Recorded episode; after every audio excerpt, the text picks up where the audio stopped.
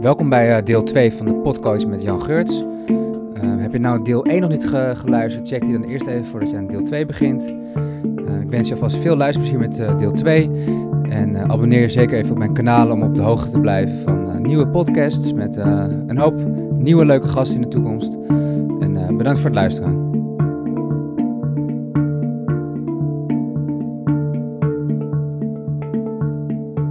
En wie ben je dan in werkelijkheid? Zijn. En is dat, is dat iets collectiefs wat, wat iedereen, voor iedereen hetzelfde is? Een soort persoonloze gewaarzijn? Ja, ja, ik denk dat gewaarzijn uh, zich... Gewaarzijn manifesteert zich in mensen, in dieren, ja. Ja. En verliest zich daar dan in. Maar het is hetzelfde gewaarzijn. Dus op dit moment kijkt gewaarzijn door mijn ogen naar jou en door jouw ogen naar mij. Dus zijn eigenlijk bewustzijn in de menselijke ervaring, zeggen ze dan ook wel eens? Klopt dat dan? Dat we, of gewaarzijn zijn in de vorm van een menselijke ervaring? Ja, dus, dus, dus bewustzijn is wie je werkelijk bent. Zodra dat bewustzijn zichzelf leert kennen als wie je werkelijk bent, dan noemen we het, in, in, in waar ik het geleerd heb, noemen we het gewaarzijn. Maar gewaarzijn en bewustzijn is hetzelfde. Ja. Ja, dus bewustzijn wat zichzelf herkent als de essentie van elke ervaring, noemen we voor het gemak gewaarzijn. Je kunt het ook omkeren zeggen, gewaarzijn wat zichzelf niet herkent en zich identificeert met gedachten over de werkelijkheid. Mhm. Dat noemen we dan het gewone dagelijkse bewustzijn. Ja, ja. Ja, dus het gewone ego-bewustzijn. Ja, dus ook mensen die nooit spiritualiteit hebben ge, ge bestudeerd, die kennen het begrip bewustzijn. Ja, die weten gewoon, ik ben bij bewustzijn. Of buiten bewustzijn. Ja, of buiten bewustzijn als je het op je kop krijgt, weet je wel. Ja, dus, eh, dus bewustzijn is een gewoon, een gewoon Nederlands woord, wat Ja, iedereen precies. Weet wat het betekent. Als je aan mensen vraagt op straat, bent u op dit moment bij bewustzijn? Zullen ze allemaal ja zeggen. Ja. Anders kon ik ineens de vraag niet eens van je horen, weet je wel. precies. Maar de meeste mensen zijn tegelijkertijd niet doorgaans zich niet bewust van dat bewustzijn.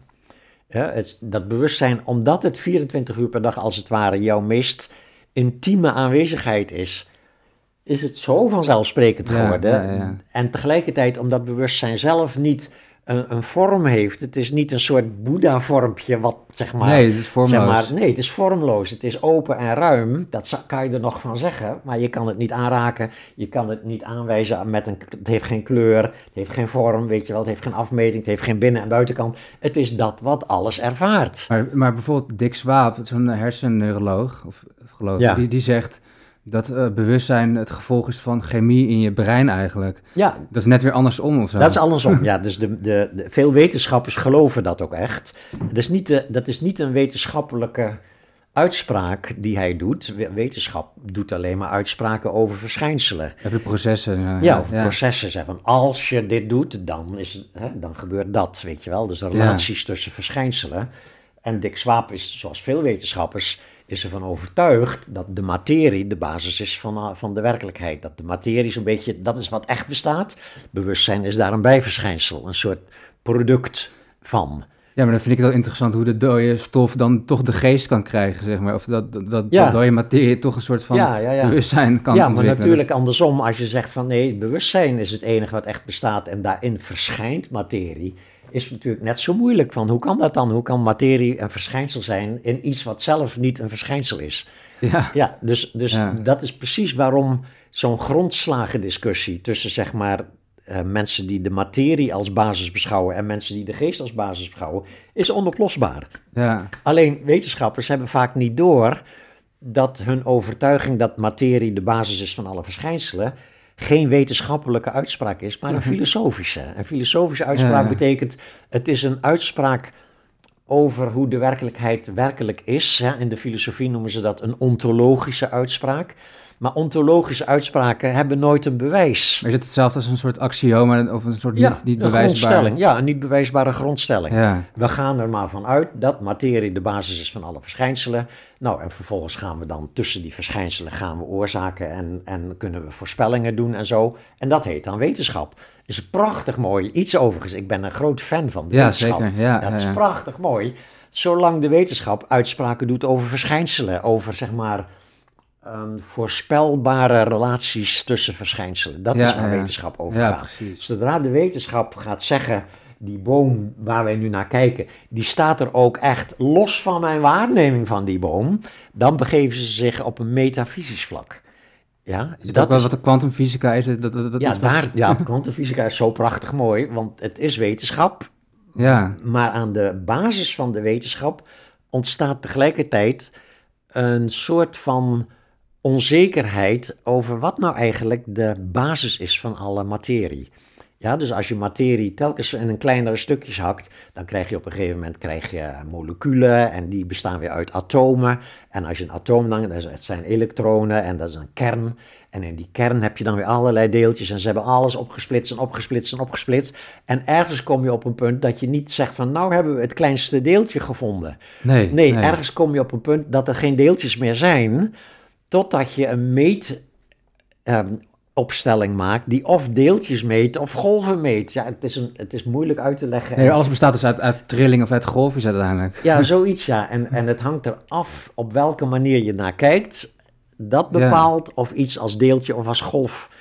En of het is een golffunctie die dan soms instort als deeltje of wat dan ook. Ik eerlijk gezegd, uh, weten, mensen die hier verstand van hebben, die, die zullen nu waarschijnlijk kromme tenen hebben, want ik heb de klepel horen luiden en ik weet niet waar de klok hangt of zoiets. Ja, ja. ja dus, maar het is wel in ieder geval duidelijk dat op dat niveau, je kan niet zeggen dat materie de basis is van alle werkelijkheid. Ja, je kan het dus met je bewustzijn beïnvloeden, want de kwantumfysica zegt dat, dat de, de observator um, dus zo'n deeltje kan beïnvloeden. Wat is eigenlijk wat jij zegt. Ja, het invloed, invloed heeft op wat er verschijnt. Maar is het bewustzijn dan, net zoals je de ruimte hebt, het heelal, daar heb je alle planeten en sterren en in de ruimte daarin kan, kunnen de planeten zich openbaren. Is het dan net zoals met bewustzijn ook dat daarin in, in die ruimte van bewustzijn je gedachten, emoties en, en intuïtie, dat soort dingen zich kunnen openbaren? Ja, zo, dat is wel een mooie en veelgebruikte beeldspraak. Ja. ja, de beeldspraak is dus dat je zeg maar de, de fysieke ruimte, die in feite ook niet iets is. Ja, laten we het even dan ons niet gaan bemoeien met uh, Einsteins, weet je wel, Dat, dat de ruimte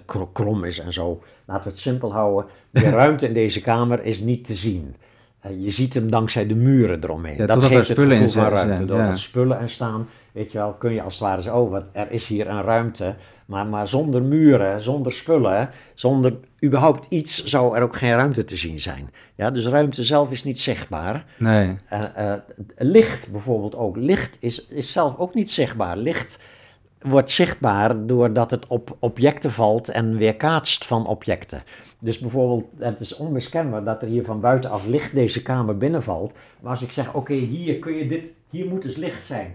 Kan je, kan je hier tussen mijn handen, kan je daar het licht zien? Nee, nee, dat kan je niet zien. Want dat is ruimte. Ja, dus de ruimte zelf is leeg. Maar tegelijkertijd, zonder die ruimte zou licht zich niet kunnen manifesteren. Zonder ruimte zouden er geen objecten kunnen zijn die het licht weerkaatsen. Dus dat allemaal is zeg maar, op het fysieke vlak een soort van um, um, beeldspraak, een soort van gelijkenis zou je kunnen zeggen. Op dezelfde wijze is bewustzijn zelf niet te zien. Nee. Maar is het als het ware dat wat maakt dat alle dingen ervaren kunnen worden. Maar is, denk je dan dat de hersenen een instrument zijn om bewustzijn mee te kunnen ervaren? Ja, je, zou, je zou kunnen zeggen, bewustzijn manifesteert zich op verschillende manieren. Het manifesteert zich in materie en het manifesteert zich in entiteit, schijnbare entiteiten die die materie kunnen waarnemen. Dus een lichaam met zintuigen en met hersenen is als het ware een soort instrument van ervaring. Dus gewaarzijn hmm. zonder lichaam zou niks kunnen ervaren. Maar is dat bewustzijn dan een zintuigelijke ervaring of is, kan je met je zintuigen het bewustzijn ervaren dan? Nee, met je zintuigen kan je geen bewustzijn ervaren. Nee. nee je bewustzijn ervaart alleen maar zichzelf.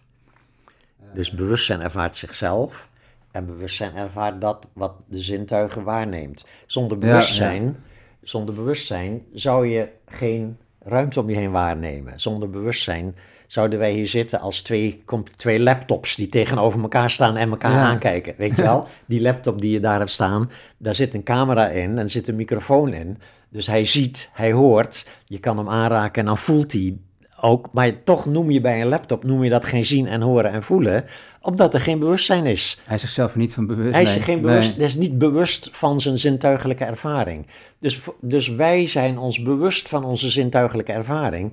Maar dat bewustzijn is doorgaans zich niet eens bewust van zichzelf. En identificeert zich dus met dat instrument van dat zintuigelijke instrument. Wat dus ogen, oren, neus, mond, Ja, tactiel. ja. Dus eigenlijk het lichaam is ons instrument van ervaring. Ja. Bewustzijn is de ervaarder. Maar wij denken doorgaans dat het lichaam de ervaarder is. Ja, het lichaam is het subject en, en waar het lichaam naar kijkt is het object. Dat is wat dualisme is hè? en dat is volgens de spirituele visie dus een misvatting die bovendien de, de, de grondoorzaak is van al het lijden. Ja, en, en je kunt op dit moment kun je zelfs al een beetje zien dat het niet klopt. Het lichaam, de ervarer van de werkelijkheid.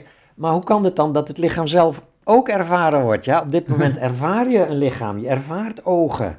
Je, weet je wel, wie is dan de ervaarder van dat lichaam? Als het lichaam zogenaamd de ervaarder is van de werkelijkheid, zijn Ah, ja. het dan de ogen die de werkelijkheid ervaren? Nee. Zijn het de hersenen die de werkelijkheid ervaren? Nee, op zichzelf ook niet. Als er geen bewustzijn zou zijn, Ja, ja. dan zouden de hersenen hetzelfde zijn als zeg maar de processor in de computer. Ja. Weet je wel, het is weliswaar dat wat, wat het instrument lichaam doet functioneren, maar zonder een ervaarder van dat instrument zou er geen ervaring zijn. Hoe, hoe ver kun je het dan trekken? Want je hebt dus eh, je zintuigelijke, dat wordt ervaren door je gewaarzijn of bewustzijn. Dus er moet eigenlijk toch een soort tweede zijn om het ene in te herkennen. Dus hoe ver, eh, en dat- wat herkent dan weer het bewustzijn? En wat, hoe, hoe ver kan je dat dan weer Ja, ja, doortrekken? ja zeg dus wat her- het, het bewustzijn herkent zichzelf, maar niet als een waarnemend object. Nee. Ja, niet als een waarnemend subject, moet ik zeggen. Dus, dus, dus bewustzijn ervaart alles, maar is zelf niet een ding. Ja, ik, ik, Ja. ik doe wel eens als voorbeeld van, oké, stel dat je op het spirituele pad bent en je leert een techniek om als het ware bewustzijn naar zichzelf te laten kijken. En dat doe je een aantal weken of een aantal maanden. En ineens zie je achter in je bewustzijn, zie je een lachend boeddhaatje zitten die juicht. Haha, eindelijk heb je mij gevonden. Ik Ja. ben je ware zelf. Ik ben je diepste bewustzijn. Stel dat dat zou gebeuren, dan zou je toch onmiddellijk je afvragen, ja maar wacht even. Wie is dan degene die dat boeddhaatje daar ziet zitten? Dat is dan mijn ware zelf. Ja, Ja, dus als je deze redenering omkeert, dan kun je dus zeggen van dat wat alles waarneemt, kan zelf niet waargenomen worden. Zou niet eens kunnen waargenomen worden, want zodra het waargenomen wordt als, Dan wordt vorm, een als object of object, ja. dan moet iets anders daar weer de waarnemer van zijn. En dan kom Ja, je dus in bedoelde ik, ja. wat ze in de filosofie de eeuwige regressie van waarnemers. Oké, ik kijk naar mijn lichaam. Wie is het die naar mijn lichaam kijkt? Dat is mijn, mijn hersenen. Oké, wie kijkt er naar mijn hersenen? Weet je wel, Eh, dat is mijn bewustzijn. Wie kijkt er naar mijn bewustzijn? Ja, dat bedoel ik Ja, dan kom je in een eeuwige regressie. Van, eh, van waarnemers. Terwijl de enige echte waarnemer zelf dus zowel waarneemt als leeg is van vorm. Een, een entiteitsloze waarnemer is het. Ja, entiteit is, is een woord wat zeg maar, eh, aangeeft, iets heeft een afmeting en een locatie. Ja, zoals bijvoorbeeld het lichaam. Ja, het lichaam zit hier. Ja, is een- geen haar op mijn hoofd die eraan denkt dat mijn lichaam daar zit nu. lichaam zit altijd hier. En, en we zijn geïdentificeerd met dit lichaam en daarom zeggen we ik. Ik zit altijd hier. Ik is altijd hier. Ja? Maar zodra je denkt, die ik is dit lichaam, of die ik is de gedachte Jan, of die ik is de gedachte ik ben een eh, meditatieleraar, is er alweer iets anders wat dat kan waarnemen. Ja, de gedachte ik ben een meditatieleraar of ik heet Jan, die gedachte die is wel Ja. waarneembaar. Die heeft inderdaad bijvoorbeeld een tijdelijke levensduur. Je kan hem het begin en het einde van zo'n gedachte zien. Eh, je kan eh, bij andere dingen kan je bijvoorbeeld zeggen, oké, begin en einde is wat moeilijker, maar je kan wel een plek zeggen, oh, dat bevindt zich daar. Een gevoel bijvoorbeeld kan je soms aanwijzen, dat een brok in je keel, weet je wel, of een in je gevoel in je hartstreek. Zo, zo, oh, daar zit het dus, weet je wel. Maar meteen kan je zeggen, oké, maar wie is de ervaarder van dat gevoel? Dat gevoel kan je wel zien, dat heeft dus kennelijk wel een locatie. Ja. En het heeft ook een beperkte levensduur. Dus, dus is een verschijnsel. Maar bewustzijn zelf is nooit een verschijnsel. Want zou het een verschijnsel zijn, dan zou iets anders daar weer het bewustzijn van ja, zijn. Ja, ja, Dus dit is precies, zeg maar, de ontdekking in het spirituele werk is ontdekken dat wie jij werkelijk bent bewustzijn is en dat dat bewustzijn niet iets is. Mhm. Dus ontdekken dat je niets bent. en zodra je ontdekt dat je niets bent, ontdek je ook dat dat niets in feite samenvalt met alles wat ervaren wordt. Waarom, En dan ben je dus ja. tegelijkertijd niets en alles. Wat is dan het nut van toch je ego en je ik, je, jezelf wilt ervaren in, in dat eh, bewustzijn wat eigenlijk niets is? Want toch zal iedereen, ook al weten we dit concept en principe, iedereen ervaart zich wel als de Jan Ja. of als de Ramon of als de, de luisteraar. nee, dat is uitstekend. Dat, bedoel, je moet, je, je- ook al ben je nog zo zeg maar, spiritueel bewust van dat je in werkelijkheid leeg, leeg bewustzijn bent, waar, hè, een, Ja. een entiteitsloze waarnemer, dan wil je toch graag eh, eten en drinken en je wil toch graag, weet je wel, met mensen kunnen babbelen en zo. En daarvoor heb je wel een ego nodig. Ja, ja. Daarvoor heb je taal nodig, daarvoor heb je een zelfbeeld nodig, daarvoor heb je gewoon strategieën nodig om om te gaan met mensen, daarvoor heb je een zekere kennis nodig van de cultuur waarin je leeft, weet je wel, een zekere ehm, erbij horen, weet je Ja, wel, dus ja. je moet je aan bepaalde regels houden en zo, dat soort dingen, is allemaal volkomen menselijk. mag, weet je, er is niks mis mee. Ja, De problemen ontstaan als je denkt dat dat is wie je werkelijk bent. ja, precies.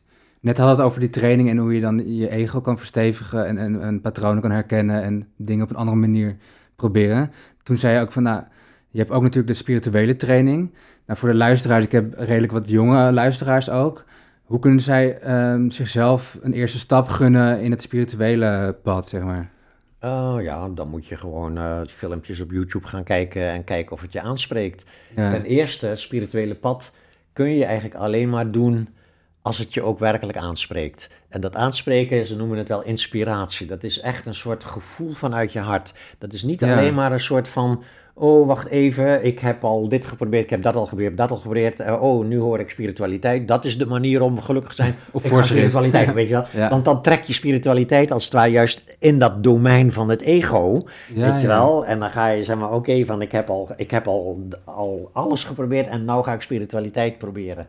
Om, om zeg maar succesvol te worden. Op doktersrecept de spiritualiteit Ja, ja zoiets. Hè, ja. dus dat, dus, eh, dat, dat werkt dan doorgaans niet zo erg. Dus ehm, waar was ik mee bezig? Ik ben hoe, hoe, kunnen, hoe kunnen mensen dat ontwaken in zichzelf? Oh ja, ze, dus- ze zijn dus- geïnteresseerd, ja, ze, dus- ze hebben dus- inspiratie. Oké, dus dat is zeg maar gewoon, dan moet je gewoon maar op YouTube wat, wat rondzappen. Ja. En eventueel typ je in non-dualisme of je typt in meditatie of je typt in Dzogchen, hè, wat zeg maar Tibetaans boeddhisme is voor non-dualiteit. Als je typt wat dingen in en je gaat gewoon maar luisteren naar wat er verteld wordt. En dan moet je gewoon eh, proberen om soort van, je luistert 1, 2 of 3 minuten naar iemand en dan heb je meestal al een gevoel erbij. Oh, Ja. dit vind ik eh, echt waardeloos gelul. Dan ga je naar de volgende, doorzappen, weet je wel. En dan totdat je iemand vindt en dan denk je, hé, hey, en je merkt ineens dat je al tien minuten aan het luisteren bent en zegt, oh, oh, dit vind ik leuk, weet je wel. Oh, wie is dit, weet je wel. Oh, wacht even, kijk je op internet en dan zie je, oh, boek, weet je wel. Oh, dan ga je, oh, zal ik dat boek eens lezen? Of eh, wat dan ook. Dus Ja, op die ja. manier, je moet geraakt worden, je moet je laten raken. Dus het is echt niet zo dat iedereen op dit moment Nee. daaraan toe is. En ik ben dus ook nooit zo eh, voorstander van eh, heel erg propageren van spiritualiteit. Nee, ik vertel er precies, dingen over voor die het wil horen. Maar als mensen geen interesse in hebben, is het helemaal oké. Kom je dan niet in je eigen bubbel? Je zegt je gaat op YouTube kijken wat bij jou past, waar, waar jij tien minuten lang in de flow van komt. Maar is het dan niet een soort van bevestiging wat je van binnen al, al als oordeel of verwachting hebt of zo? Dat zal in het begin zal dat wel eh, een, deel, een deel zijn van. Maar, maar ik bedoel, inspiratie is toch wel echt iets meer nog dan alleen maar het klopt bij wat je al vond. Ja, Uh, het is iets juist wat, iets, het heeft iets verrassends, iets nieuws. Iets van, wow, weet je wel, echt van iets nieuws horen. Oh, dat heb ik voor, dit is wat, voor het eerst hoor ik dit, weet je wel. Dus, dus echt, ik kan me nog herinneren, mijn eerste, zeg maar, spirituele moment. Dat ik gewoon bij een vriend was en er lag een boek op tafel en ik sla het gewoon open. Ik lees zomaar een stuk en ik, weet je wel, ik had echt iets van, wow, weet je wel. Wow, Ja, dit ja. soort van, wow. Meteen dat boek ja. aangeschaft, weet je wel. Dat boek lezen, stond een heleboel dingen in waar ik niets van snapte. Maar toch een paar dingen die me echt raakten, weet je wel. En dan ga je natuurlijk op onderzoek. Zeggen oké, wat is dit voor iemand? Bleek een Tibetaanse, schrijver te zijn, weet je wel. En oh, die bleek dan cursussen te geven, weet je. Oh, daar ben ik dan heen gegaan. Ah. En zo komt van het een van het ander, weet je wel. Oh, dat, dat, dat, dat- daar schreef je ook over in je nieuwe boek, Wijs naar de maan, hè? Dat ja, ja, ja, ja, ja. In, in de trainingsruimte zat en dat boek in één keer zag. Ja, ja, Ja, ja, leuk. Ja. Dus eh, zo gaat dat. Dus, zo, dus als je zegt, hoe kom je daarmee in aanraking? Dat is dus gewoon maar door toeval in zekere zin. Maar de toeval kan je een handje helpen. Tegenwoordig heel makkelijk. Omdat op YouTube zo'n beetje alle spirituele tradities te vinden zijn. Eh, als je maar de juiste zoekopdracht intypt en een beetje, beetje zeg maar, volhoudt. Een beetje zoekt, omdat je... Ook mensen die echt wel zuivere spiritualiteit vertellen, maar het moet ook een beetje klikken. Ja, Ja, je moet een beetje, bijvoorbeeld, ik heb echt sommige spirituele leraren waarvan ik best wel snap, dat zijn echte, je hebt natuurlijk ook bullshit, maar je hebt ook echte spirituele leraren, maar dan vind ik hun stemgeluid of een uitstraling of zo, dan, ja, dat doet me dan gewoon niks. Nou, daar Ja, ga ik dan niet het, naar ja. luisteren, weet je wel. ja. En bij anderen heb ik meteen zoiets van, wow, weet je wel, dat is helder, of dat is liefdevol, of wat dan ook. Het is vaak een van die twee wat dan het meest eruit springt. Ja, en dan eh, blijf je zo iemand een tijdje volgen, blijf je wat vaker kijken. En dan natuurlijk workshops, eventueel cursussen volgen als die er zijn en zo. Maar dat doet me ook denken aan, aan, aan, aan, aan het concept van je boek Wijs naar de maan. Daarin zeg je dat, dat, dat iedereen wijst zeg maar, de vinger, maar dus dat met die verschillende mensen op YouTube, die, die wijzen misschien allemaal naar hetzelfde, naar het gewaarzijn of het Mhm. spirituele. Wat kan je uitleggen hoe je ehm, die metafoor wijzen naar de maan eh, daarmee bedoelt? Ja, de Boeddha zei dat, dat is een voorbeeld van de Boeddha. Hè? De Boeddha zei, eh, ehm, eh, mensen zijn te vergelijken met de weerspiegeling van de maan in elke vorm van stilstaand water op aarde. Een emmer, een, een vijvertje, weet je wel, een sloot, een meertje, en wat dan ook. Water wat niet al te wild beweegt, wat redelijk stilstaat. Daarin kan je de maan weerkaatst zien. Hij zegt alles wat de, de Boeddha zei over zijn eigen leer, zegt alles wat ik vertel is een vinger die naar de echte maan wijst. Dus de mensen denken dat zij die maan zijn in hun eigen vijvertje. Ja, een soort bewust, een individueel bewustzijn. We denken Ja, ja. allemaal dat we individueel bewustzijn zijn. En de Boeddha zegt van nee, er is één bewustzijn. En dat is, Ja. zeg maar, dat, dat is, zeg maar, en dat ene bewustzijn, dat weerspiegelt zich in jou en in mij en in alle levende wezens. Dat zijn allemaal, zeg maar, reflecties van de maan in vijvertjes en meertjes en riviertjes. Nu, je moet eerst daarvan bewust worden. Dus eerst zal de Boeddha zeggen van, wacht eens even, eh, je hebt een soort bewustzijn, ja toch? En dat is een heel individueel bewustzijn, ja toch? En dan Ja. ga je dat eerst onderzoeken. Ja. En dan uiteindelijk de, de theorie van zeg maar spiritualiteit, zowel boeddhisme als eh, Advaita, als, zeggen allemaal dus dat bewustzijn als het naar zichzelf gaat kijken, dan gaat het zijn eigen fundamentele non-duale essentie herkennen. Maar dat kijken naar jezelf is dus niet langer een, een logische redenering. De logische redenering, die, die komt eerst. Dat is de vinger die naar de maan wijst. De Boeddha zegt, ga nou maar zitten, weet je wel. Probeer nou eens bewustzijn naar zichzelf te laten kijken. Ontdek dat je niks kunt vinden. Ontdek dat je bewustzijn, als het naar zichzelf kijkt, niet iets kan vinden. Doe dat nou. Dat is allemaal taal. Ja, spiritualiteit, de overdracht van spiritualiteit gaat voor een groot deel via taal. Dat zijn vingers die naar de maan wijzen. Dat, dat beperkt wel Dus weer. op het moment dat de Boeddha zegt, ga nou eens echt kijken naar. Ja, dus op dit moment klopt het dat jij op dit moment een ruimte om je heen ervaart. Dat je op dit moment een stem hè, op deze podcast ervaart die aan het vertellen is. Dat je een stem ervaart. Ja? dat klopt dat. Klopt dat dat je op dit moment aan het ervaren bent. Ja, klopt dat inderdaad. Ja. Kijk nou eens naar de ervaarder. Weet je wel. Probeer nou eens niet alleen de ruimte om je heen te ervaren, maar probeer nou eens of die ervaarder ook zichzelf kan zien. Dit is een vinger die naar de maan wijst. Dat moet je dus doen. Dat moet je niet gaan bedenken. Niet gaan denken, oké, ehm, bewustzijn, kan bewustzijn zichzelf zien? Nee, bewustzijn kan zichzelf niet zien. Dat is dan een gedachte. Ja, dat is een theorie. Tegenwoordig zie je heel veel mensen, vooral in de Advaita, die vooral geloven in de gedachte, ik besta helemaal niet echt. Ja, ja, ja. Ja, maar ondertussen eh, zijn ze gewoon een ego, natuurlijk, volledig versmelten met hun ego, wat zeg maar Advaita-theorieën gelooft. ego. Ja, het is gewoon een geloof. Net als andere mensen geloven dat ze in de hemel komen als ze braaf zijn. Zo gelooft de Advaita, zeg maar, student, dat hij niks is. Ja, Ja? ja. En, en dat alles vanzelf gaat, weet je wel. Maar ondertussen ja, zijn ze gewoon net als iedereen. Ook een verhaal. Ja, dus dat is ook een verhaal. Dus dat is het hele punt.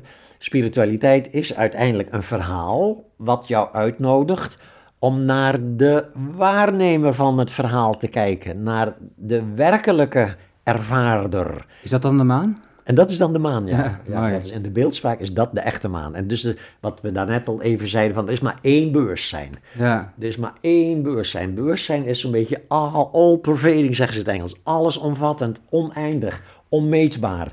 Heeft geen begin, geen einde. Heeft geen centrum en rand, weet je wel. Heeft geen limitatie, wat dan ook. Het is onbevangen. alles, weet Ja. je wel. En tegelijkertijd is het niks. Ja, het is niet iets in de betekenis van... het heeft geen kleur, het heeft geen afmeting, het heeft geen begin en eind. Weet je wel, het is niet iets wat alles ervaart. Dat is... Ja, Maar mooi. dat is theorie, weet je wel. Ja. Dus nou moet je dat gaan ontdekken, want die theorie helpt je niet als je een avond alleen thuis zit met een balende bui, dat je denkt ik ben mislukt en waardeloos en weet je wel, en dan kan je wel gaan denken, oh maar ik ben eigenlijk helemaal niets. Daar heb je geen ene moer aan. Nee, Als je, als je in de Ja. shit zit, weet je wel. Dan moet je dus echt weten hoe je, je, hoe je degene die de shit ervaart ook werkelijk kunt gaan zien als open, ruim, liefdevol bewustzijn. Ja, mooi. En het bewustzijn ervaart dus het leven, zeg maar, of, of je gedachten eigenlijk. Maar wat, wat is dan die levenskracht wat onze eh, eigenlijk dode moleculen en atomen tot leven eh, ja, wat is houden? die levenskracht, hè? Ja. Dat is dus denk ik bewustzijn. Ja, Ja, bewustzijn eh, manifesteert zich als beweging. Ja? Dus bewustzijn zelf beweegt niet. Ja, want het bewegen veronderstelt dat het hier is en dan daar, maar bewustzijn is overal. Dus het kan niet bewegen. continu aanwezig. Ja, Ja, dus als het niet iets is, kan het ook niet bewegen. Ja, en alles wat ervaren wordt, is beweging. Ja, dat is een van die prachtige stellingen in het boeddhisme. Dat er is niks permanents, alles verandert. Ja, je kan, prachtige spreuk in het boeddhisme, je kan niet dezelfde vuile handen voor de tweede keer wassen in dezelfde rivier, want het is niet dezelfde vuil, niet dezelfde handen en niet dezelfde rivier. Ja, alles verandert voortdurend. Het lijkt wel alsof het lichaam waar je dus nu in zit hetzelfde lichaam is als waar je gisteren in zat. Maar als alles een, een soort constante beweging is van moleculen, atomen, tot op een kwantumniveau Ja, ja, van ja. waarschijnlijkheden die iedere keer weer opnieuw, als het ware, zich manifesteren, in elk moment opnieuw zich manifesteren in vorm. En, en in het Dat, boeddhisme ja. noemen ze dat dan een soort droomachtige verschijning. Dus het, het, we ervaren het wel als werkelijk bestaand, maar in, het is geen werkelijk bestaand iets in de betekenis van het bestaat los van mijn waarneming ervan. Dus, dus, dus waarnemen en wat waargenomen wordt zijn ook hier niet van elkaar te scheiden. Joh, ja. En, en net als in een droom, ja, als je s'nachts droomt, in het boeddhisme wordt altijd het voorbeeld gebruikt van in een droom word je achtervolgd door een tijger. Je bent echt bang. Er is een echte ik die echt bang is voor zijn hachie, weet je wel. Heeft dus Ja. een echt lijf. En er is een echte tijger die dat lijf wil opvreten. Je bent echt bang. ja, Alles is net zo echt als overdag. op dat moment. Ja, in de droom is alles net zo echt als overdag. Ja, Ja, natuurlijk, doorgaans worden we dan wakker en herinneren we ons de droom. En dan weten we, oh, wacht even, er was geen echte tijger. Maar we denken nog wel, er was wel een echte ik.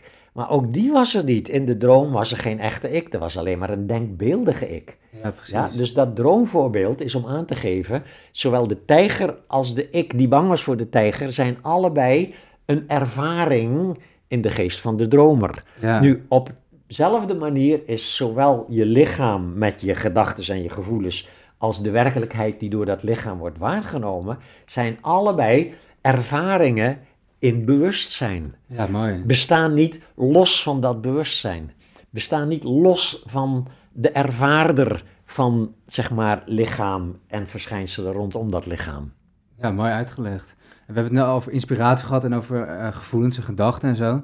Maar wat is nou eh, intuïtie? Want mijn broer Arion die vroeg bijvoorbeeld, wanneer is nou iets intuïtie en moet je daarop acteren? En wanneer is het nou gewoon een gedachte of een soort spookbeeld dat eigenlijk, eh, eigenlijk helemaal niet klopt, eh, Ja. omdat je ook wel veel ruis in je gedachten hebt?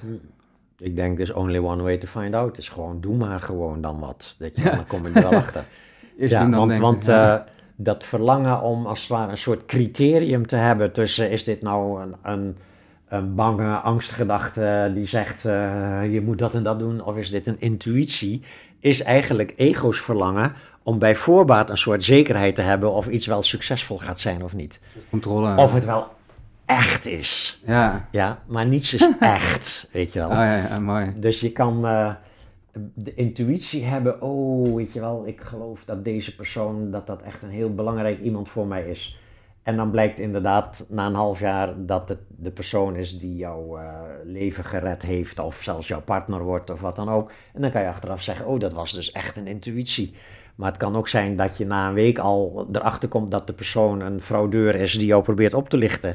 En dan kan je dan zeggen, oké, dat was dus geen intuïtie, dat was dus mijn stomme ego, wat gewoon, weet je wel, totaal geen inzicht heeft in mensen, zelfafwijzing dus. Ja, maar daar kom je dan pas achter door, Door de ervaring. door de ervaring. Ja. Ja. Dus je kan maar beter gewoon je helemaal niet druk maken over, is iets nou intuïtie of is dit nou een grill? En gewoon denken, wat, hoe, heb ik het gevoel dat ik dit moet doen, dan moet ik het doen. Maar heb ik het gevoel dat ik het niet moet doen, moet ik het maar niet doen. Dat, ik, soms help ik, zeg ik wel eens tegen mensen die zeggen dan, oké, eh, ik kan hier nu, eh, deze baan krijg ik aangeboden. Maar ik heb mijn grote twijfels van, zal ik het wel doen? Aan de ene kant kan er verschrikkelijk mooie kans voor me zijn. Aan de andere kant, het kan me ook jarenlang als we op een zijspoor zetten.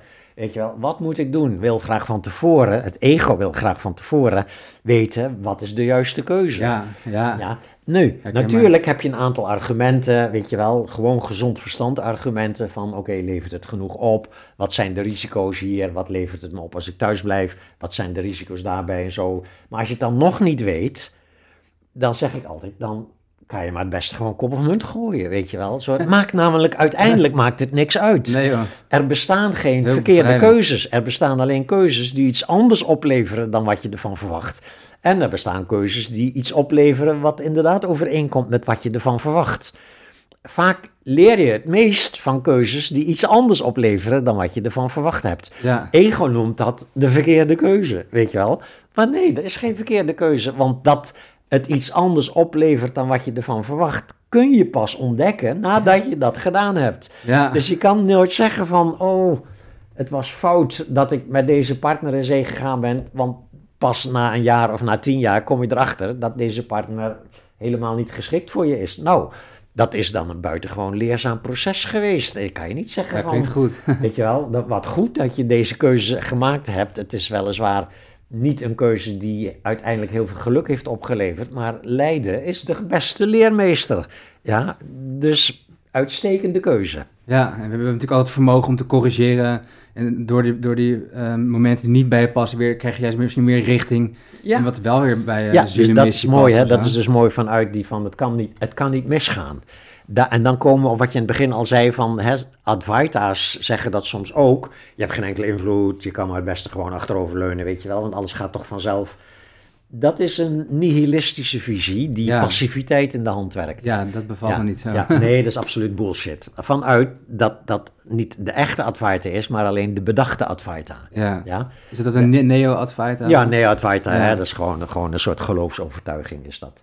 Ja, en hij is, Ja. lekker, hij is lekker rationeel, de argumenten kloppen ook wel, maar het blijft allemaal denken. Ja. Ja, het, is niet, het, is niet, het wordt niet ervaren als zodanig. Ja. Dus, eh, maar als je werkelijk, zeg maar, oefent in dat oordeelvrije gewaarzijn, dan weet je dus ook dat er geen foute keuzes zijn. Dan weet je dat er eigenlijk, dat de keuzes die jouw ego maakt, in feite gewoon eh, voortvloeien uit wat dat ego daarvoor heeft meegemaakt. Uit zelfs soms in je verre jeugd, weet je wel. Het zijn allemaal invloeden die bijdragen tot of je s'avonds pasta eet of spruitjes. Die keuze, weet je wel, dat is gewoon een keuze die voortvloeit uit wat je hebt leren Ja. kiezen. Het is gewoon geprogrammeerd bijna, een soort het is van. een soort programmeren, maar er is niks verkeerds aan. Dat is toch prima? Wat, Ja, heerlijk dat je, wat heerlijk dat je kan kiezen voor pasta als je geen spruitjes lust bijvoorbeeld. Toch prachtig mooi. Ja, Hè? Dus dat hele idee dat dat betekent dat je geen vrije wil hebt, dat is ook filosofisch zeg maar gebabbel. Nee, dat is, gewoon, dat is gewoon helemaal oké. Alleen inderdaad, je bent dat niet. Dat is het proces van het ego. Ja. Dus je zegt dat er wel een soort van vrije wil is eigenlijk daarin. Het ego heeft geen vrije wil, maar het ego kan wel denken dat het een vrije wil heeft. Ja, en door de spruitjes te pakken of de pasta. Ja, ja, dus voor ego is vrije wil, is dat je, dat je als het ware je keuzes kunt in overeenstemming brengen met wat je geleerd hebt, wat je prettig vindt. Ja. Ja, dus als je kunt kiezen wat je prettig vindt, dat heet vrijheid. Ah, Als je in de gevangenis zit, dan kan je wel zin hebben in pasta, maar als er spruitjes op het menu staan, moet je spruitjes eten. Dat is onvrijheid. vrij wil is om, om in lijn te zijn met het programmaatje wat je eigenlijk van nature Ja, al... dus als je programma zich gewoon kan ontwikkelen ja, ja. in overeenstemming met zijn, op dat moment zijn, zeg maar, zijn geldende theorieën, zijn geldende voor- en afkeur, zijn geldende hoop en vrees, dan voelen we dat als vrijheid. Ja, mooi. Ja? En daar is niks op tegen, maar als je ook dat spirituele perspectief hebt en je kunt als het ware naar dat ego kijken vanuit die ruimere staat van zijn. En het ego komt bijvoorbeeld in zo'n situatie waarin de programmering een beetje vastloopt. Moet ik nou wel of niet die baan nemen? Dan zal ik wel dit huis kopen of niet het huis kopen? Ik weet het niet, weet je wel. Wel deze part, niet. Dus al die dingen, weet je wel. Oh, ik durf mijn mond niet open te doen in een vergadering. Dat soort dingen, weet je wel. Ja. Dat, en je hebt dan die spirituele visie. Die kan zeggen van, doe maar wat gewoon. Doe Ja. maar wat gewoon, weet je wel. Probeer niet maar. uit. Probeer- Hou je je mond tijdens vergadering en je kunt daar met liefdevol gewaarzijn naar kijken, is er geen probleem. Weet je wel? Alleen als je je mond houdt terwijl je jezelf zit af te wijzen over het feit dat je zo bang bent om je mond open te doen, dat is het probleem. Of als je in een vergadering alsmaar je mond moet open doen om, weet je wel, om erkenning te Ja. krijgen van anderen, dan heb je ook een probleem. Maar eigenlijk zeggen dat je altijd in het reinen moet zijn met, met de stroom van het leven zoals het gaat, zonder Ja. daar te veel over te denken of af te wijzen, oordelen of het anders te willen dan dat het is. Ja, en, en dus kan je tegelijkertijd zien, dit is mijn ego, en tegelijkertijd het ego zijn gang laten gaan. Ja, dus het ego Ja. kan op een bepaald moment zeggen, nou ben ik het toch echt beu, dat nice guy gedoe, ik ga een assertiviteitscursus volgen. Ja, Ja, als je geen spirituele achtergrond hebt, dan ga je die assertiviteitscursus volgen met een soort verbetenheid. Met een soort van, ik moet verdommen van dat nice guy gedoe af. Ik moet een assertieve, zelfverzekerde, weet je wel, worden. Ja. Dat, weet je wel, dat wordt je nieuwe zelfbeeld. Ja. Maar als je een assertiviteitscursus gaat volgen, terwijl je ook die ruime visie al hebt van, zeg maar, die spirituele visie van, het is mijn ego maar, wat werkt aan een gezonder functioneren, dan, dan is die krampachtigheid eruit. En Ja. waarschijnlijk ga je een veel beter resultaat hebben zelfs. Als, je, als het niet zo van, alles hangt ervan af. mooi. Ja, Ja, als je ja. gewoon speelt, als het ware. Je, je kan het zien als een spel. Als het, het ego is het spel wat je speelt in de wereld. En natuurlijk, je kan dat spel ook beter leren spelen dan je vanuit je jeugd hebt geleerd. Dat is persoonlijkheidsontwikkeling. Maar als je tegelijkertijd ziet dat het een spel is, dan kun je dus als het ware je, je doelen stellen met een soort van humor, Ja, wetende ja. dat je wel een doel kan stellen, maar dat de werkelijkheid heel anders kan zijn. En dan heb je ook geen frustratie als je een doel hebt gesteld en halverwege het bereiken van dat doel komen er allerlei dingen op je weg die een ander doel Het loopt altijd anders. rechtvaardigen. Ja, Ja, ja, ja. En dan zeg je, oh wacht even, dat, eh, dit doel heeft kennelijk tot nu toe zijn werk gedaan. Ik ga een ander doel. Weet Ja, je wel, mooi. dit wordt een leuker doel. Oh, dit is veel leuker. Het, het, hetzelfde met dingen in je agenda zetten, weet je wel. Als je echt bloedserieus bent, er staat in mijn agenda, jij en ik hebben afgesproken om zo en zo laat. Ja, als je dan niet komt opdagen, dan ben jij heel erg fout bezig, weet je wel. Mhm. En dan, dat is ego, weet je wel. Als je ook spiritueel bent, dan zeg je, oh, kennelijk was deze afspraak een vergissing, weet je wel. Natuurlijk, als iemand dan vervolgens zijn excuses niet aanbiedt, weet je wel, en een soort luchter doet, dan ga je misschien in het vervolg geen afspraken meer maken met die persoon. Maar ook dat vanuit die lichtheid, vanuit, weet je wel. Dus dat de kun- realiteit. dingen- ja, Ja. dingen kunnen veranderen Ja. en mogen veranderen. Dat, dat, dat je niet zozeer identificeren met de doelen in je agenda. En die doelen eh, eh, die je wel kan stellen. eh, ik vraag me dan ook af, en een, en een luisteraar dit ook een vraag ingezonden, Pim volgens mij, van wa- wat is dan zingeving en waar haal je zingeving uit en wat is dan de definitie van zingeving? Ik denk dat zingeving is dat je, dat je als het ware jezelf de gelegenheid geeft om de dingen te doen waar je blij van wordt. Dus, dus er bestaat geen zin in het leven, een soort objectieve zin in het leven. Nee, Eh, dat bestaat niet. Eh, maar er bestaat wel zin hebben in je dag dan, weet je wel. Bedoel, je kan wel zin hebben in over tien jaar heb ik genoeg geld om een restaurantje te openen. maar als je tegelijkertijd die tien jaar lang elke ochtend uit je bed moet komen voor een rotbaan om dat geld bij elkaar te schapen, dan Oh heb ja. je daar geen zin in. nee. Ja, dan kan zo'n idee van, ja, maar eh, oh, ik doe dit omdat het over tien jaar misschien heel leuk wordt.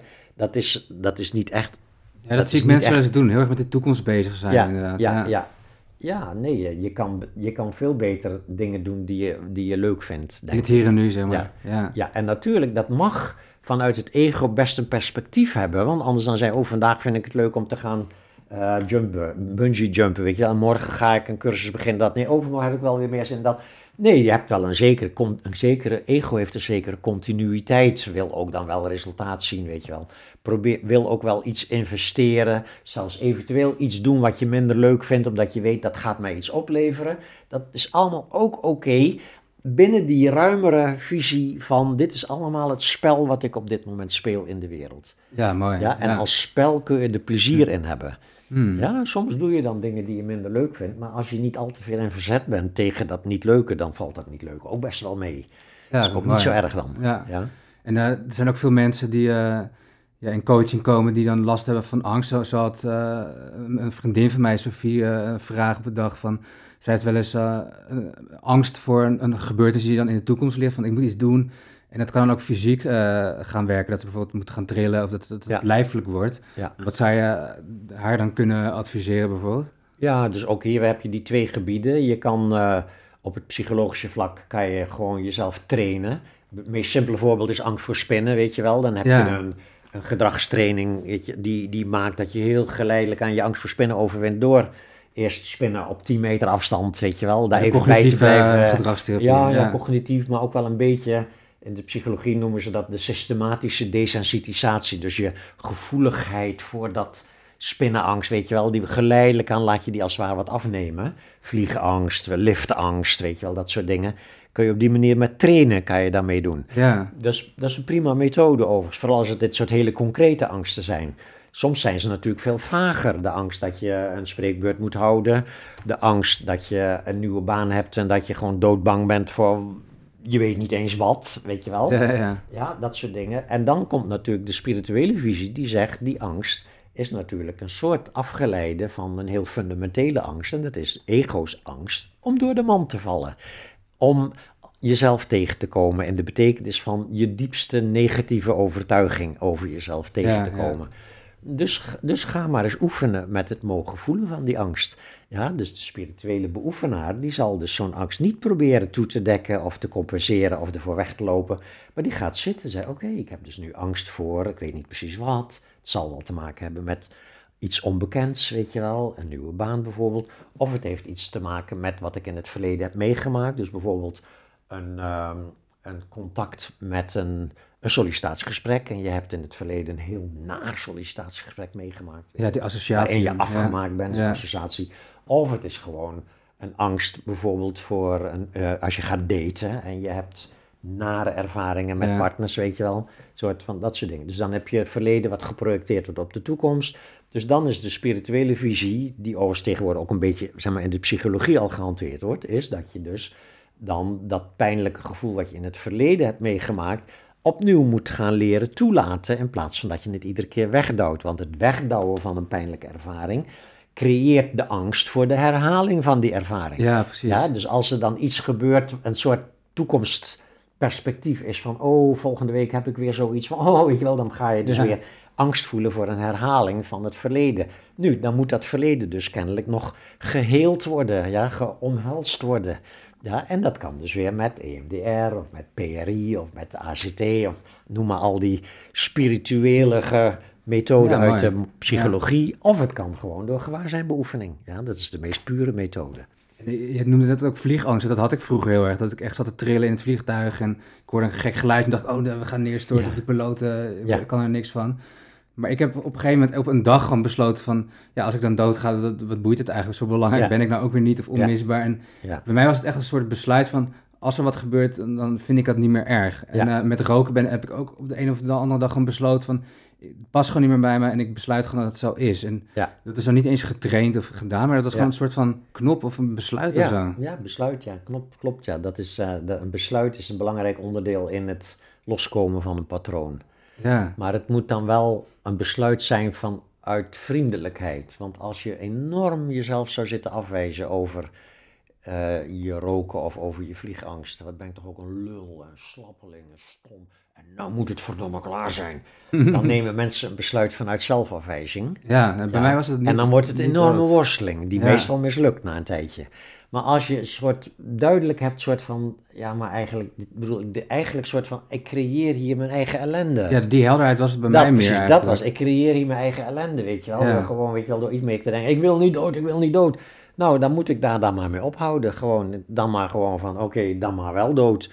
Ja, Ja, en zo in dit geval is het, ja, precies, ja. ja. En met roken ook soort van, van oké, je bent misschien wel bang dat het een hele nare periode gaat worden als je stopt met roken. Maar het is, na, het is al naar om wel te roken, weet je wel. Je vindt het wel roken al naar, weet je wel. Het past niet bij me. Nou, dan stop je ermee vanuit een positieve soort van... dan wil ik eigenlijk een leven wat schoner is, gezonder is dan wat ik nu doe. Dat is Ja. vanuit een positieve benadering. Ja, Niet Dus met dat- angst, maar vanuit de liefde. zo Ja, ja. En, en Ja. dan moet angst moet dus als het ware wel genomen worden. Zei, oké, ik ben er bang voor, maar weet je wat? Ik neem toch het besluit. Eerst neem je het besluit, dan pas gaat de angst weg. Mhm. De mensen denken, ik, als, ik, als ik niet meer bang ben, dan besluit ik om te stoppen met roken. Ja, ja. nee, Nee, zo werkt het nee, niet. precies. Nee, want dan blijf je dus altijd roken. Ja, je, je noemde ook, eh, we hadden het over het zelfbeeld gehad. Eh, Er komen ook veel mensen die willen meer zelfvertrouwen. Die zeggen, ik wil eigenlijk mezelf leren vertrouwen. Ehm, of hebben het gebrek aan zelfvertrouwen, zijn onzeker. Ja, Hoe, eh, hoe werkt dat in dat spirituele mechanisme? Ja, dus ook hier heb je weer, je hebt die twee benaderingen. Je kan eh, trainingen gaan doen, weet je wel, waarin je allerlei, uitdagingen krijgt, hè, waarin je ineens een, een zaal moet toespreken. Eh, dat soort trainingen, weet je wel. Of eh, op een stoel moet gaan staan en het Wilhelmus zingen terwijl iedereen lachend om je heen staat. Dat soort oefeningen, weet je je wel. Oefeningen en gek ja. doen, uit je comfortzone. En dan kan je dus een soort van, wow, weet je wel, chakra-gevoel krijgen. eh, over vurige kolen gaan lopen. De dat soort. Ja, ja, ja, dat soort technieken. En na een tijdje kun je daar dus inderdaad een soort van... wow, weet je wel, ik durf het wel, ik kan het wel, weet je wel, dat soort. Dus dan leg je over je zelfbeeld dat je een angsthaas bent... leg je een nieuw laagje van ik kan alles wat ik wil. Ik kan chakra, weet je wel. En dat kan je inderdaad soms een tijdje een goed gevoel geven over jezelf... Maar dat werkt weer uit dan. eh. Totdat, ja, het werkt uit als je, niet, als je dat niet regelmatig herhaalt. En als er werkelijk iets snaars gebeurt waar, dat, waar dit dunne laagje chakra niet tegenop kan. Echt ziek worden, echt Ja, ja. doodgaan, echt een relatiecrisis. Daar valt niet tegen op de chakra, weet je wel. Dus dan, eh, dan Ja. val je toch in dat gat van zelfafwijzing. Dus nee, dan eh, vanuit de spirituele visie probeer je als het ware te zien dat, dat het gebruikelijke zelfvertrouwen altijd ontleend wordt aan erkenning van anderen. Daar is niks verkeerds aan, dat mag je gewoon blijven doen. Maar dat er nog een andere vorm van zelfvertrouwen is en dat is een vertrouwen in je inherente staat van zijn Mhm. Die dus niet eigenwaarde ontleent aan omstandigheden en personen, maar die een soort inherente eigenwaarde, een soort inherente waardevolheid. Dat je goed bent herkent. zoals je bent. Ja, goed zijn zoals je bent. Zonder dat je je goed hoeft te voelen. Dat is hier het grote verschil. Mooi. Het ego is, is, is, zeg maar, is houden van jezelf, is een lekker gevoel. Ja, en als je je kloten voelt, dan hou je niet van jezelf. Ja, voor de spirituele beoefenaar is houden van jezelf, is achter jezelf staan, ongeacht hoe je je voelt. Dus ook als je een rotbui hebt en je zegt, oh, wat heb ik vanavond een rotbui, ik voel me zo eenzaam en mislukt. Even goed, ik blijf bij me. Weet je wel, ik ga nu niet mezelf klemzuipen of snuiven. Ik ga nu niet mezelf afwijzen. Ik heb gewoon dit gevoel. Mag, weet je wel. Mag er zijn. Ja, en dan is het niet meteen weg ook, dat nare gevoel. Dan heb je misschien best wel een beetje een nare avond, Mhm. maar het is een nare avond met een soort van, ik kan dit aan. Ik kan dit hebben, in plaats van dat ik het ben, ik kan dit hebben. En andere- weerbaarheid, Ja, ja, ja, het is echt een soort in, innerlijke weerbaarheid. Een soort innerlijk met jezelf durven zijn. Dat komt echt vanuit de spirituele visie. Mooi, ja. ja. Dus dat, eh, en dus het, het gebrek aan zelfvertrouwen ook herkennen als een aangeleerd gevoel. En dus niet wie je werkelijk bent. Dus op het moment dat je een soort taak hebt en je voelt ineens een soort gebrek aan zelfvertrouwen, dan kan je natuurlijk dat gebrek aan zelfvertrouwen heel erg overschreeuwen met ik kan het, ik ga ervoor. En soms werkt dat ook, ja. En je kan zeggen, oh, dit is mijn angst om te falen, geeft niks maar best. Ja, dat is gewoon helemaal oké, je mag bang Mhm. zijn om te falen. Ja, ik heb bijvoorbeeld zelf dat proces meegemaakt toen ik begon met eh, af en toe lezingen te geven. Ja, en dat werden steeds grotere zalen, 200, 300 mensen, 500 mensen soms. In een zaal. En dan moet je daar dus gaan zitten. En iedereen zit dan zo te wachten totdat er weer hele wijze dingen gezegd worden. Ja. In het begin vond ik dat best wel nogal spannend, weet je wel. Een soort van, oh, moet ik het weer... Moet ik aan een verwachting voldoen? weer waarmaken. één, maar Ja, ja, ja, ja. 500 mensen die allemaal een verwachting hebben. En zo. En dan in het begin eh, zat ik wel met wat, wat stress daarover. En dan natuurlijk omdat ik toch dan kwam vertellen over precies dit, weet je wel. Dat ik dus vaak ook in het begin van zo'n avond, dat ik gewoon zei van, ik moet even wennen hoor. Er zitten er zoveel tegenover me. Ik moet even. En dan, ja. keek- en dan in plaats van dat ik dus heel erg mijn best deed om de indruk te wekken dat ik on top of alles was, ging ik gewoon, zei ik het maar gewoon. Ja, dan maar af gewoon zeggen van, ik moet hier even aan wennen hoor. Ik vind het best wel spannend. Jullie zijn best wel met veel. Ja. En, dan ging En ik ben hier iedereen- maar in mijn En dan eentje. ging iedereen aankijken ook. Dat hielp Ja. mij ook heel erg. Gewoon oogcontact, oogcontact, oogcontact, oogcontact. Terwijl ik eventueel vertelde van, nou, ik ga maar even rondkijken. Gewoon even kijken wie er allemaal zijn. Hallo, weet je wel. En soms zag ik iemand die ben, hey, weet je wel. Ja, ja, ja. Ik zie oh, het al voor leuk me. dat je er bent, weet je wel. Ja. Dat soort dingen. En dan, ging, en dan ging ik soms zitten en dan zei ik, oké, ik hou gewoon maar even mijn mond. Het komt wel hoor, het komt wel. Straks komt het wel. en dan ging ik zitten en dan keek ik die mensen gewoon aan zonder dat ik iets zei. En dat gaf een spanning in zo'n zaal natuurlijk. Mensen waren allemaal een beetje bang van, oh, straks durft hij niks te zeggen of zo. Dan, Ja, ja, ja, ja. Dat weet je wel. Maar ja, ik, zat, ik wist gewoon wel van, "Er- straks komt er wel wat. Dus, dus dat niet meteen op routine. Maar eventjes soort, even die ruimte, even die openheid, even die ruimte creëren van. Ik had eh, toevallig een mooie anekdote. Ik had Ja. eh, een week geleden had ik een gesprek eh, ook voor een podcast met Theo Maassen, de, Oh, cool. de, cabaretier. Hè? Ja, die kennen we. En hij is nogal een, een ruig voor zijn raap cabaretier. Hij was overigens een heel bijzonder leuk gesprek. Een hele aardige man. Heel geïnteresseerd in spiritualiteit en zo. Oh, wat leuk. Maar diezelfde avond had hij een voorstelling. En de andere dag mailde hij mij. Hij zei wat er nou toch gebeurde nadat wij over al deze dingen hebben gepraat. Ja. Het was vrijwel nog aan het begin van de voorstelling. Ik was gewoon mijn ding aan het doen. En ineens staat er een mevrouw op die vooraan zit. En die staat op en die loopt weg. Waarschijnlijk naar de wc. Of ze vond er gewoon niks aan. En ik voelde dus een soort spanning daarover, Aha. zegt hij. Een soort van, jemig, weet je wel. Iemand loopt weg terwijl jij nog je best aan het doen bent om een zaal binnen te krijgen. Ja, ja, ja. En hij houdt dus even zijn mond. En hij voelt dus van, weet je wel. En hij staat op het punt al om er een soort flauwe grap over te maken. Over dat die mevrouw waarschijnlijk een zwakke blaas heeft. Dus- En dat, dat deed hij dus niet. Hij blijft nog iets langer stil. En ineens zegt hij, dit doet best wel pijn. Hmm. En de zaal barst uit in schateren. En vanaf dat moment gaat hij weer door met zijn werk. Oh, dat is wel een hele groot succes voor hem. Om op een andere Dat, manier ermee dat om te hij gaan. ineens, je wel, ineens even uit die rol durfde te stappen van alles onder controle. En gewoon durfde te zeggen, dit doet best wel pijn. En dat dat meteen mooi, die ja. zaal onmiddellijk voor hem innam natuurlijk. Onmiddellijk was de hele zaal op zijn hand daardoor. En, en ging die met dubbel veel enthousiasme ging die daardoor verder. Mooi. Ja, hè? Dus zo werkt het dus. opstellen. Ja, zo werkt het dus. Ja. En Ja, mild de- naar jezelf de zijn. Lichtheid, humor, kijken naar, weet je wel, toelaten. Ruimte geven aan. Ja, Ja, cool. Dat bevrijdt je van het, ego is bang voor, weet je wel, bang dat er een stilte valt, dat soort dingen. Ja, Nee, laat maar een stilte vallen. mooi. Ja, Eh, ik zie dat we al best wel op anderhalf uur zitten. Ehm, anderhalf al. Ja, dat gaat toch snel, hè? Normaal mik altijd op Als het uurtje. gezellig is, hè. Dat is, Ja, dat ging lekker flowen. Mooi, mooi, prachtig onderwerp dit, hè. Tijd. Ja, Ja. ik kan er nog uren over. eh, Ja. Maar hoe, hoe kunnen we het even samenvatten? Dus eh, het, raamwerk was natuurlijk eh, het coachen en trainen en hoe dat eh, is in, in verhouding staat met het, met het spirituele. Ehm, dus ja, waar, ja, waar dus ja, we de, het over coach, gehad? de coach kan veelzijdig zijn. Ja, En als de coach zelf ook spiritueel ontwikkeld is, dan zal die dus op beide fronten kunnen werken. Kan die en zeggen, jouw probleem is dat. En je kunt daaraan werken en je kunt eh, doelen gaan stellen en je kan een mission statement gaan bedenken en een purpose en dat soort dingen allemaal.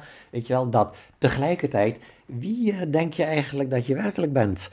Weet je wel, heb je daar eens over nagedacht? En hoe belangrijk is het eigenlijk voor je? Oh, ja, ja. die had ik eh, vergeten uit te zetten. Dus, eh, dus dat is de, de coach die op beide fronten kan werken. ja. Die dus en kan doelen stellen en purpose en dat soort dingen. Maar die en iemand ook kan confronteren met de relativiteit van die dingen. Hoe belangrijk is dit wel voor je? Zie je dat er ook nog andere dingen zijn die, die, die zelfs een soort van relativering inhouden van deze doelstellingen? Ja, pas op dat je deze doelstellingen niet belangrijker maakt dan jezelf. Pas op dat je ook gaat werken aan inherent geluk in plaats van alleen aan geluk wat afhangt Ja. van het bereiken van je doelen. Ja. Weet je wel? En dan kan een coach kan die twee zaken met elkaar in verband brengen zelfs. Hoe kun je dus en bijvoorbeeld een assertiviteitscursus gaan volgen of een cursus spreken in het openbaar, maar ook die humor hebben over van ik mag ook stotteren. Dat, ja, de Ja, lichtheid super, en de humor over ik mag ook stotteren. Ja, mooi. Ik denk dat, eh, dat de luisteraars en andere coaches hier naar luisteren daar heel veel aan kunnen hebben. En mijn takeaway was ook echt wel dat ja, er bestaat geen foute keuze eigenlijk. Ja. En dat, dat, die controle voor het maken van een goede keuze, dat je die best eh, los mag laten. Ja. En eh, Ja, ja, je doet wat je kan, weet je wel. Met de, met de informatie die je hebt, probeer je een goede keuze te maken. Als je niet voldoende informatie hebt, maakt het niet uit, weet je wel. Dan kan je dus inderdaad kop of munt doen. ja, fijn. Heel, heel bevrijdend. Ja, Cool. ja. Zijn er nog dingen die jij nog wat willen toevoegen of eh, die je vergeten bent eh, te vertellen of, of zeggen? Nee, nee, dat zou ik niet weten. Nee. Nee hoor, ik vind het altijd erg leuk om hierover te babbelen. Ja, Ja, En je, dat merk ik ook en je vertelt het heel duidelijk en mooi en eh, inspirerend. Dus Ja. ik denk dat eh, de luisteraar er ook eh, veel aan heeft, eh, dat hoop ik dan tenminste. ja, Nou Jan, heel erg bedankt Ja. voor het eh, mooie gesprek. ja jij dankjewel ook.